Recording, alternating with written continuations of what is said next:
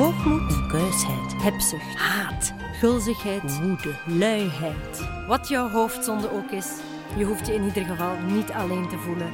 Ze zijn van ons allemaal en van alle tijden. Welkom bij De Zeven Hoofdzonden. Een podcast van en met Ilse de Koe en Linde Graven in opdracht van Cultureel Centrum De Spil.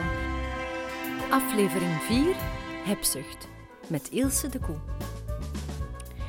In deze aflevering hebben we het met hoogleraar Marcel Zelenberg over wat hebzucht nu precies is en waar die hebzucht eigenlijk vandaan komt. Ook hebben we het met Tish van Duren over de extreme gevolgen van ons overdreven koopgedrag en over recyclage. Maar allereerst ging ik dus in gesprek met Marcel Zelenberg, hoogleraar economische psychologie aan de Universiteit van Tilburg.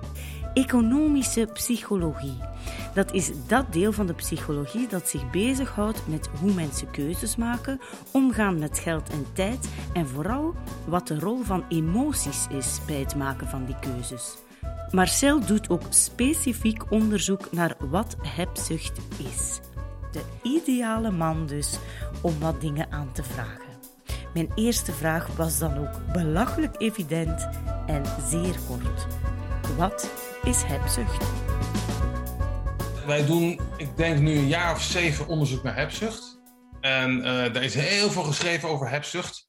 En dat bleek eigenlijk bijna allemaal meer theoretisch te zijn. Veel uh, filosofen, economen, religieuze wetenschappers die schreven over wat hebzucht was. En het eerste wat wij gedaan hebben, is een prototype-analyse gedaan. Dan ga je eigenlijk te raden bij mensen zelf wat voor constructen ze associëren met hebzucht, wat daarmee samenhangt. En toen zijn we gekomen tot een definitie. Het is namelijk het onbevredigbare verlangen naar meer. Als je hebzucht ervaart, ben je ontevreden met wat je op dit moment hebt. Uh, en dan wil je graag meer hebben in de hoop dat dat je tevreden maakt. Maar dat meer bevredigt eigenlijk nooit. Kan ik daaruit concluderen dat hebzuchtige mensen eigenlijk ongelukkiger zijn dan mensen die niet zo hebzuchtig zijn? Of is dat te zwart-wit? Nee, dat, uh, dat, dat klopt. Iedereen die onderzoek doet naar hebzucht en die dat op een of andere manier meet en bijvoorbeeld relateert aan wat wij dan noemen satisfaction with life, hoe tevreden wij zijn met ons leven, vinden we eigenlijk altijd dat hoe hebzuchtiger mensen zijn, hoe minder tevreden ze zijn met het leven. Op zich, hè, zucht verwijst naar ziekte. Dat geeft al aan dat je niet blij bent. Maar het is een ontevredenheid die blijvend is, die je niet kan oplossen door meer te krijgen. En denk je dat we dat kunnen afleren als we heel hebzuchtig zijn? Ja, dat is een goede vraag. Kijk, wij, wij doen er nou wel zo'n zeven jaar onderzoek naar, maar eigenlijk komen er steeds meer vragen bij dan dat we kunnen beantwoorden. Ja. En om die vraag te beantwoorden, kunnen we er wat aan doen. Moet je eigenlijk ook weten waar komt het nou precies vandaan. En kunnen we misschien op een of andere manier mensen helpen om te zorgen dat ze ofwel tevredener worden, uh, of dat ze niet meer denken dat al die andere dingen ze blij maken. Ja. Nou, dat, dat weten we nog niet precies. Wat we wel weten, hè, de gerelateerde vraag, waar komt het nou vandaan? Nou, we weten in ieder geval een klein beetje over dat het wel te maken lijkt te hebben met hoe je opgroeit. Of okay. je opgroeit in, in relatieve armoede of relatieve rijkdom. En daar zijn dus verschillende onderzoeken naar gedaan. Goedele Krekels deed er eentje in België en zij vond in haar onderzoek dat mensen die arm opgroeien hebzuchtiger zijn. Maar Seger Breugelmans, een collega van Marcel die onderzoek deed in Rusland, vond net het omgekeerde: dat mensen die rijker opgroeien juist hebzuchtiger lijken te zijn. Ook de steekproeven die hierover gedaan werden in China bewezen dat mensen die rijk opgroeien meer hebzuchtig worden. En ook Marcel en zijn team deden die steekproeven nog eens opnieuw. Wij lijken ook indicatie te vinden dat mensen die rijk opgroeien, dat die hebzuchtiger zijn. Oké, okay, heeft het dan iets te maken met wat je gewoon bent? Als je van jongs af aan gewend bent om spullen te krijgen, zeg maar als, als goedmakertje, dat dat ja. een manier wordt die je jezelf aanleert hoe je daarmee om kan gaan, uh, maar dat dat uiteindelijk niet helpt. Het lijkt me ergens wel logisch dat als je het gewoon bent geweest om veel te hebben, dat het moeilijker is om daarna met minder te leven dan omgekeerd. Ja, het, ik denk dat de valkuil van heel veel psychologisch onderzoek is dat uh, bijna alles wat wij vinden is logisch. Maar als we een tegenovergestelde hadden gevonden, was het ook logisch geweest. En dat, en, uh, ja. Bijvoorbeeld um, een verhaal waarin je uitlegt van uh, mensen die arm opgroeien, die eigenlijk nooit wat gehad hebben, als die later in hun leven gaan ze meer waarde hechten aan, aan dingen en zullen ze daardoor hebzuchtig zijn, is ook een plausibel verhaal. Tuurlijk. En ik denk wat voor ons de uitdaging is, is proberen iets verder te gaan dan wat, wat logisch lijkt en proberen echt zoveel mogelijk gegevens te krijgen, data te krijgen om te kijken hoe zit dat nou? En dan langzamerhand ja, bepaalde theorieën uit te sluiten. Hebzuchtig zijn, heeft dat te maken met jezelf status en identiteit geven? Of misschien beter gezegd, is dat iets waar dat we mee bezig zijn voor onszelf of eerder voor het oog van de ander? Ja, dat, dat is wederom een goede vraag. Maar wij vinden heel duidelijk dat er relaties zijn tussen hoe hebzuchtig mensen zijn en in hoeverre ze graag uh, status en aanzien in de ogen van anderen willen hebben. De grote vraag is nou natuurlijk, is het alleen dat? Of is het gewoon ook iets op zich? En wij denken zelf, en daar, daar hebben we ook wel indicatie voor, dat het belangrijkste bij hebzucht is vooral dat mensen gewoonweg meer willen hebben. Meer spulletjes, meer aandacht, meer status, meer seks, meer eten en meer van alles wat ze fijn vinden. Dus het zit niet alleen in materiële dingen. Nee, nee. Aan de hand van vier stellingen hebben ze dus gemeten hoe hebzuchtig mensen zijn en hoe materialistisch.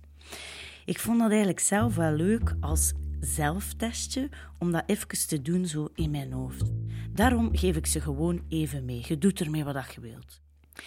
De eerste stelling is: als er een nieuw model van mijn telefoon uitkomt, dan wil ik die graag meteen hebben. Ik wil graag zoveel mogelijk vrienden op social media. Als ik single ben, dan wil ik zoveel mogelijk seksuele contacten hebben. En als ik een zak chips openmaak, dan kan ik niet stoppen voordat die leeg is. Dat zijn alle vier gedragingen die voorspeld worden door hebzucht. En eigenlijk wordt vooral de, die, die vraag naar die telefoon wordt verklaard door uh, materialisme. Want dat is een materieel iets. Ja. Materialistische mensen willen ook die nieuwe telefoon. Maar die worden dus minder gedreven om al die andere dingen ook te hebben. Weet je, hebzucht gaat over materiële zaken. Hebben suggereert natuurlijk meer dat het om iets gaat wat tastbaar is. Maar hebzucht slaat ook echt op, op allerlei immateriële dingen. In het Engels is het greedy. En in het Nederlands lijkt het een beetje op gretig. Terwijl voor mij gretig wel positiever klinkt dan greedy en ook dan hebzucht. Ja. Misschien verbloemen wij dat een beetje. Nou, kijk, ik denk een van de, een van de redenen waarom ik zo aangetrokken ben uh, tot het bestuderen van hebzucht, is dat er die, die twee elementen in zitten. Mensen vinden het niet leuk om hebzuchtig genoemd te worden. Als je kijkt in alle wereldreligies, wordt hebzucht negatief veroordeeld. Dat is een van de zeven hoofdzonden. Veel filosofen veroordelen het. Maar je vindt ook mensen, en dat zijn dan vooral economen, die eigenlijk heel positief ten opzichte van hebzucht staan. Die zeggen dan weer dat het de motor van de economie is, dat het de economie aanjaagt en dat het zorgt voor meer productie enzovoort. Zorgt het kapitalisme niet voor hebzucht? Ik denk, hebzucht is echt gewoon een eigenschap die mensen hebben en die volgens mij heel veel dieren ook hebben. En die er waarschijnlijk voor gezorgd heeft dat wij kunnen overleven als soort. Dus het is inherent aan hoe wij zijn. En misschien is het kapitalisme wel een uitvloeisel van het feit dat we allemaal een beetje hebzucht in ons hebben. Ja, dus ik denk, ik denk echt dat hebzucht heel erg fundamenteel is. Marcel woont in Tilburg en hij vertelt me dat er in de buurt eekhoorntjes rondlopen. En dat hij er al op gelet heeft dat die diertjes meer eikeltjes begraven dan ze ooit zullen opeten. Vaak weten ze niet eens meer wat ze ze begraven hebben. En ze gaan maar door met hun sprokkeltochten tot ze helemaal kapot zijn en supermoe. Maar, zegt hij er wel bij, dat is wel de reden waarom ze later genoeg eten hebben. Mhm. Het is blijkbaar moeilijk te bewijzen, maar het lijkt er dus wel op dat ons hebzuchtig gedrag ergens voortkomt uit een overlevingsdrang. En dat die hebzucht, het meer willen hebben dan wat we op dat moment dus op kunnen, ervoor zorgt dat we op de momenten waarop dat we het wat moeilijker hebben, een buffer hebben. Maar er zijn nog meer redenen waarom we meer werken dan nodig is. Eén daarvan is dat sommige mensen hun werk gewoon heel graag doen en eigenlijk meer werken dan daarvoor nodig is. Mensen zorgen ook net als eekhoorns dat ze een buffertje hebben voor als ze in pensioen zijn of voor als het even minder gaat, maar ook omdat we iets willen achterlaten voor onze kinderen. In het onderzoek naar waarom we meer werken dan nodig is, werden al deze facetten echter uitgesloten. Marcel en zijn team lieten mensen een taakje doen in het lab. En dat taakje dat verliep in twee fases van telkens vijf minuten. In fase 1 kan je kiezen of je gaat werken of gaat genieten van wat vrije tijd. Genieten van vrije tijd is de koptelefoon opzetten en luisteren naar wat toffe muziek. Werken is een knop indrukken, waardoor de muziek wordt onderbroken door een hele vervelende witte ruis. Als je tien keer op die knop drukt, dan verdien je een chocolaatje. In fase 2 mag je dan al je verdiende chocolaatjes opeten. Maar zoals afgesproken op voorhand moet je alles wat je niet hebt opgegeten na 5 minuten teruggeven. En dan is het de vraag of mensen meer chocolaatjes gaan verdienen dan ze kunnen opeten. De hebzuchtige mensen, we hadden er volgens mij eentje, die had wel iets van bijna 50 chocolaatjes verdiend in die 5 minuten. Die had echt, kon het ook helemaal niet opeten. Maar ja, deed dat toch. We hebben een aantal van deze studies gedaan. We hebben op een gegeven moment een groep terug laten komen, drie weken later, en dat nog een keertje laten doen. Vind je weer precies hetzelfde. Dan gaan ze weer veel te hard werken. En dan verdienen ze weer meer chocolaatjes dan dat ze op kunnen. En die moeten ze weer teruggeven. Dan hebben ze eigenlijk weer te hard gewerkt. En ze hadden ook in die periode lekker naar een lekker muziekje kunnen laten. Dus die leren eigenlijk niet dat ze te hard werken. Dus je vindt in die studies zowel het positieve, het hard werken, als het negatieve, ehm, het niet leren van je, van je voorgaande fout. Een beetje zoals de eekhoorns dus. Ja, ja, ja, precies. En die leren er volgens mij ook niet van. Maar heeft het ook niks te maken met als je hard werkt, dat je dan ehm, beloond wordt of toch een groter aanzien krijgt en een hogere status krijgt? Werken mensen alleen maar zo hard voor dat geld dat ze dan verdienen? Het kan natuurlijk zijn dat mensen in het echte leven geleerd hebben om, om altijd maar door te werken en dat ze dat in het lab ook gewoon doen. Maar je ziet in het dagelijks leven dat er allerlei andere dingen een rol spelen die wij in het laboratorium uh, hebben geprobeerd uit te schakelen, maar misschien niet in geslaagd zijn. En in het echte leven zijn er dus naast die aanzien, naast die andere dingen, zijn er dus die redenen zoals je wil een buffer verdienen of je wil wat geld nalaten. Wat ik zelf wel grappig vind, is dat ik over de jaren me wat vaker afvraag, heb ik dat nou echt nodig? En dan is het antwoord vaak nee. Dus dan hoef ik het ook niet te kopen. Nou, vinden wij ook in ons onderzoek naar hebzucht dat mensen minder hebzuchtig worden gemiddeld met de jaren. Het zou kunnen dat als mensen later in hun leven dat ze ja, of wat meer spullen hebben, dus minder nodig hebben. Maar het zou ook kunnen dat ze wel een beetje geleerd hebben van nou, heb ik dat echt nodig? Gaat het me nou blij maken? Nou, waarschijnlijk niet. Dus ze komen toch een beetje tot inzicht. Dat lijkt er wel op. Zijn er naast hun hebzucht meer verschillen tussen niet-hebzuchtige mensen en hebzuchtige mensen?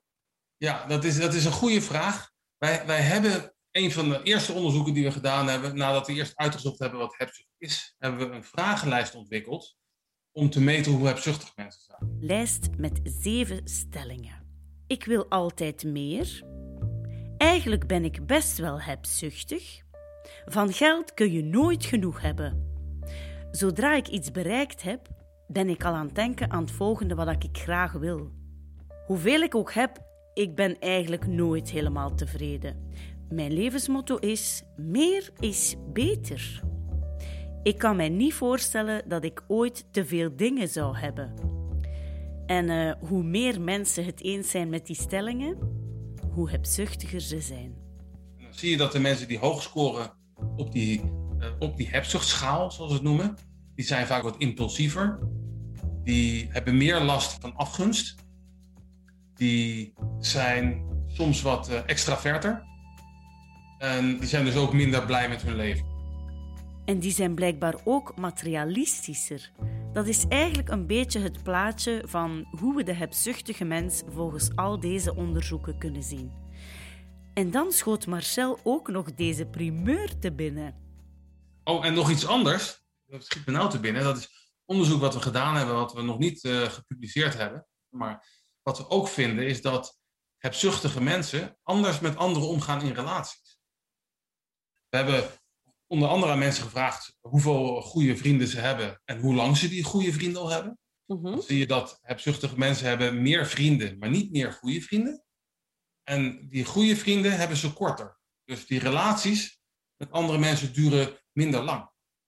We hebben ook gevraagd naar hoe ze dan die vrienden uh, bejegenen. En dan zien hebzuchtige mensen vrienden meer als een instrument om wat te bereiken. Of die relaties dan korter zijn omdat die vrienden niet meer nuttig zijn. Of dat die vrienden op een gegeven moment denken van ja, wat moet ik nou met Jantje, want het is een uh, rare figuur, dat weten we niet. Maar het is wel interessant, vind ik, om terug te zien dat die interpersoonlijke relaties ook anders zijn. Ik denk dat hebzucht aan zich niet goed of slecht is. Stel je voor, ik ben een hebzuchtige uh, man en ik uh, genereer heel veel inkomen. Dan kan dat heel fijn zijn voor de mensen in mijn gezin. Maar als ik um, in mijn hebzuchtige jacht naar meer geld andere mensen uh, benadeel, is het heel vervelend voor die andere mensen.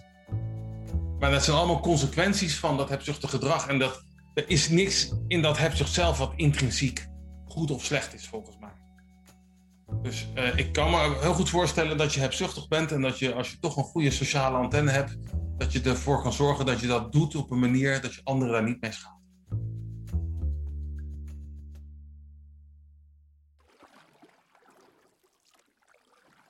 O onherroepelijke rivier der dingen.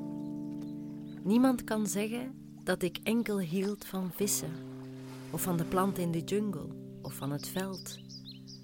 Is niet waar. Vele dingen zweerden samen om mij het hele verhaal te vertellen.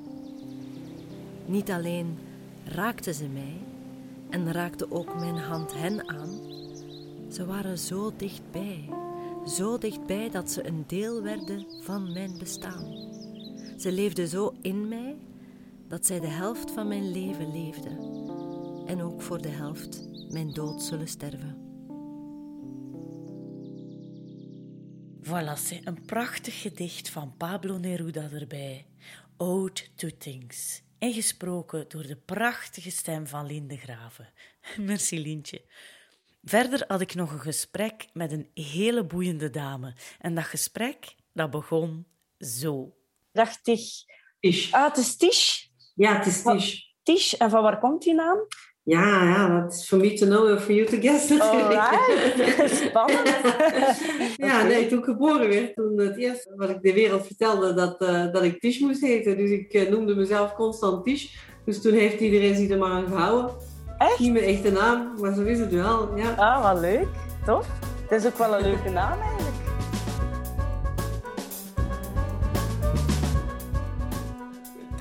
En zo zijn er nog wel meer dingen waar Tish zo haar eigen mening over heeft. En ik kan je verzekeren dat die mening zeer inspirerend werkt. Tish van Duren is chemisch ingenieur en al jaren bezig met hoe we best dingen recycleren. Ze is sinds 2016 mede-eigenaar en algemeen directeur van Frankenhuis, het enige echte textiel recyclebedrijf in Nederland voor end-of-life producten, afgedankte producten dus, of post-consumer materialen, materialen die hergebruikt worden uit een commercieel product. Ik vroeg haar waarom het voor haar zo belangrijk is om bezig te zijn met recyclage. Het blijft gewoon een gegeven dat wij te veel kopen. Als wij te veel consumeren en blijven consumeren zoals we vandaag de dag doen, dan gaat onze moeder aarde het niet zo heel aantrekken natuurlijk. Dus ik hoef niks nieuws meer te maken. Ik vind dat de uitdaging om iets dat al gebruikt is en eigenlijk gewoon nu weggegooid zou worden, om daar terug iets goed mee te doen, dat is echt wel de uitdaging. Met die verstanden dat ik het bedrijf overgenomen heb, omdat ik het, het hele ondernemerschap met alles wat erbij hoort, heel erg aantrekkelijk vind. En dan nog in een industrie kunnen werken waar er zoveel innovatie gevraagd wordt. Nou, dat is alleen maar een feestje. Wat een nobele job. Dat is een, toch, een klein beetje de, toch een klein beetje de wereld redden. Nee, zo zie ik het niet. Ik ben ook geen uh, geitenwolle sokkenpersoon of zo. Hoor. Nee, dat zie ik direct. ik heb het nu nog niet eens over onze core business gehad. Wat eigenlijk wat wij willen doen is van elk kledingstuk dat echt end of life heeft. Dat betekent van, je kleding is nu zo gedragen, weet je, je hebt er alles mee gedaan, nu kan het niet meer, het is kapot. En dat is ons doel, om al dat soort kleding te kunnen verwerken naar een nieuwe grondstof. Die circulair verwerkt wordt en waar er terug een textiel van gemaakt kan worden. Dat is wat Frankenhuis doet.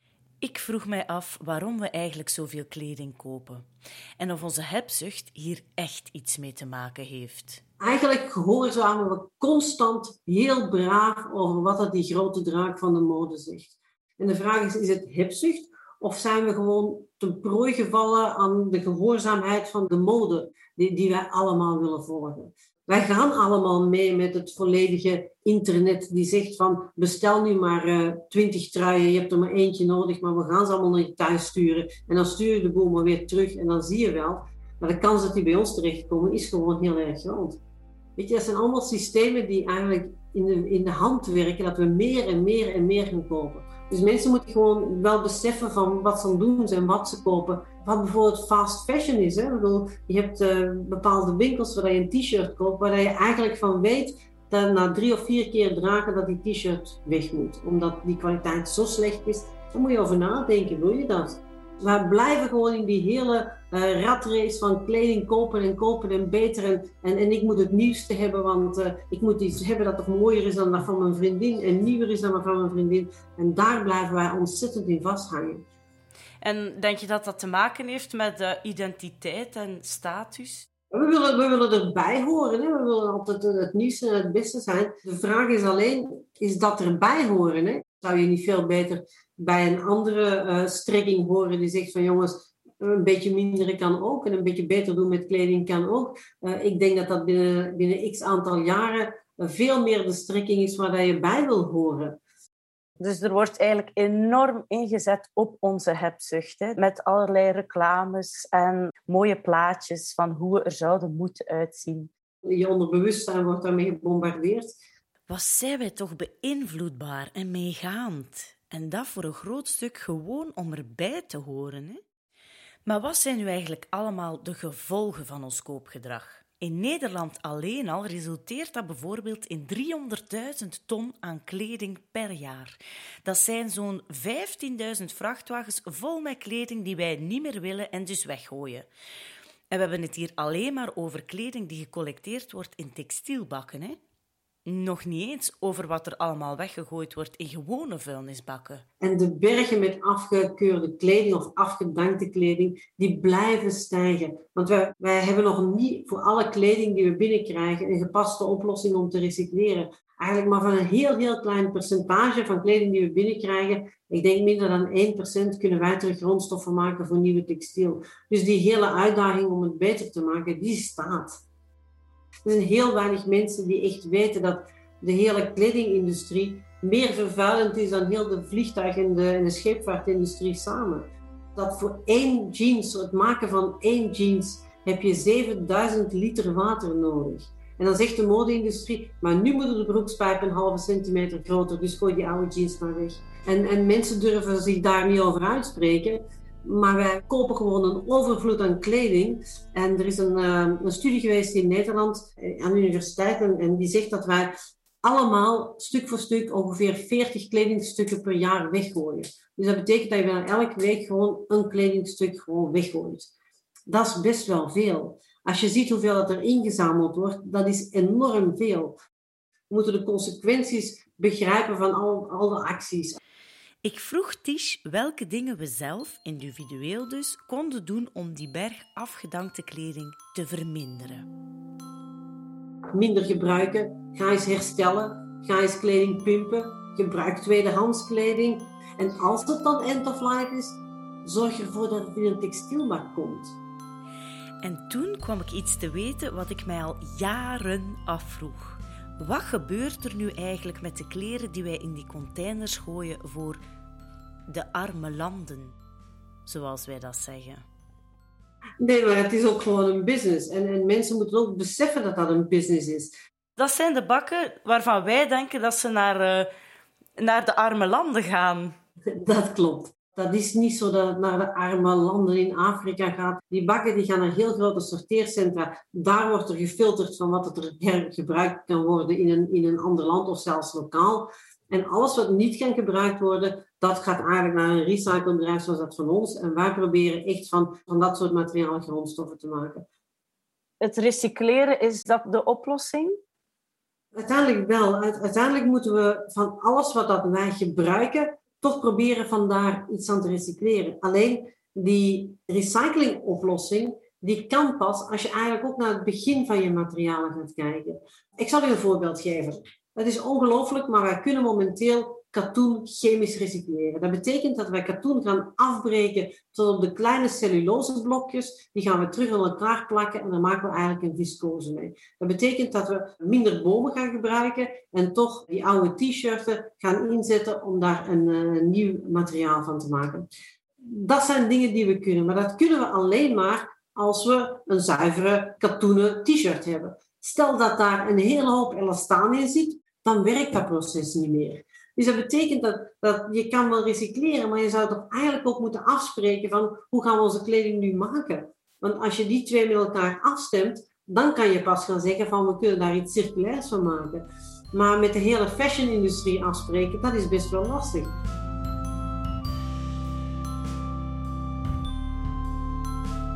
Maar je moet dus beginnen met inderdaad een stuk kleding te designen op zo'n manier dat je eigenlijk al weet hoe je het gaat recycleren.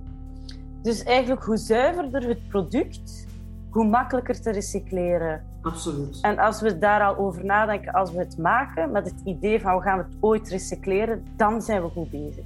Dan zijn we goed bezig. Stel dat we van die enorme berg die wij door onze hebzucht vergaard hebben van kleding, dat we daar terug een grondstof van kunnen maken, dan zou het ook kunnen betekenen dat we die grondstof ook hier kunnen gaan gebruiken.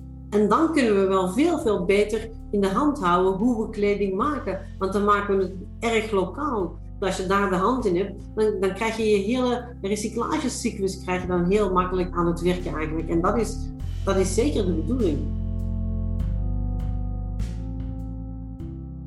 Ik wil toch nog even weten wat Dirk de Wachter over deze zonde te zeggen heeft. Het hebben van dingen, dat is natuurlijk waar de kapitalistische maatschappij zijn succes aan ontleent. Hè. Wij hebben graag dingen.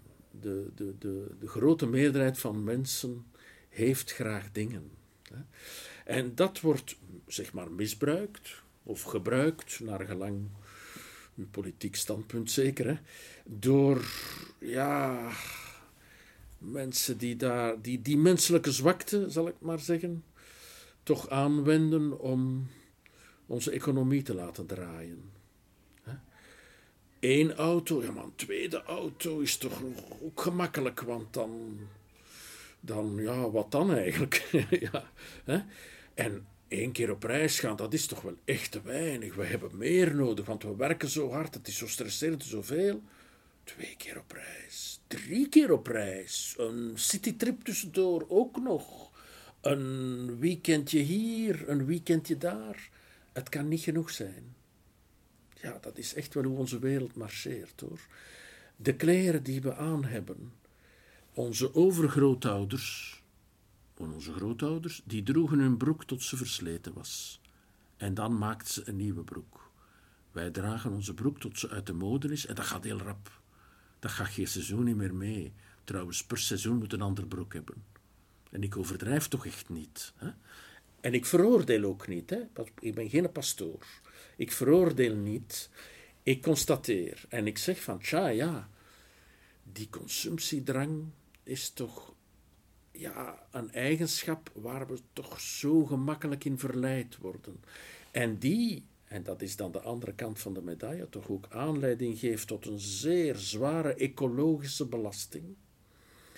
En tot ook een, een maatschappij die zeer erg gestresseerd doordramt, omdat al dat kopen natuurlijk ook geld vergt dat we dan moeten verdienen. tussen die weekends en die citytrips moeten we harder en harder werken, nog bijjobs en nog dit en dat, om die citytraps te kunnen doen. Citytraps, zeg ik graag. Ja, hoe geraken we daaruit?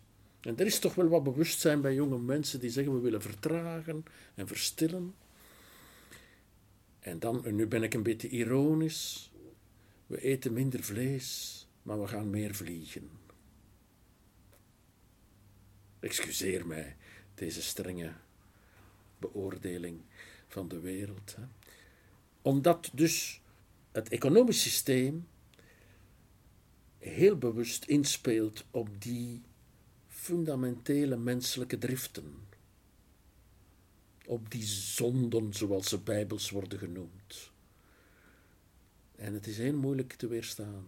Het is heel moeilijk om daar iets tegenover te zetten van vertraging, verstilling, soberheid, verbondenheid. Ja, al die waarden waar iedereen van zegt: ah ja, maar natuurlijk, dat is juist, ja, maar dat is waar, dat is waar. Maar ja, het is toch zo plezant om eens weg te zijn en een zwembadje en, en, een lekker diner en, en, een goed wijntje en... Enfin, je hoort mij komen, hè.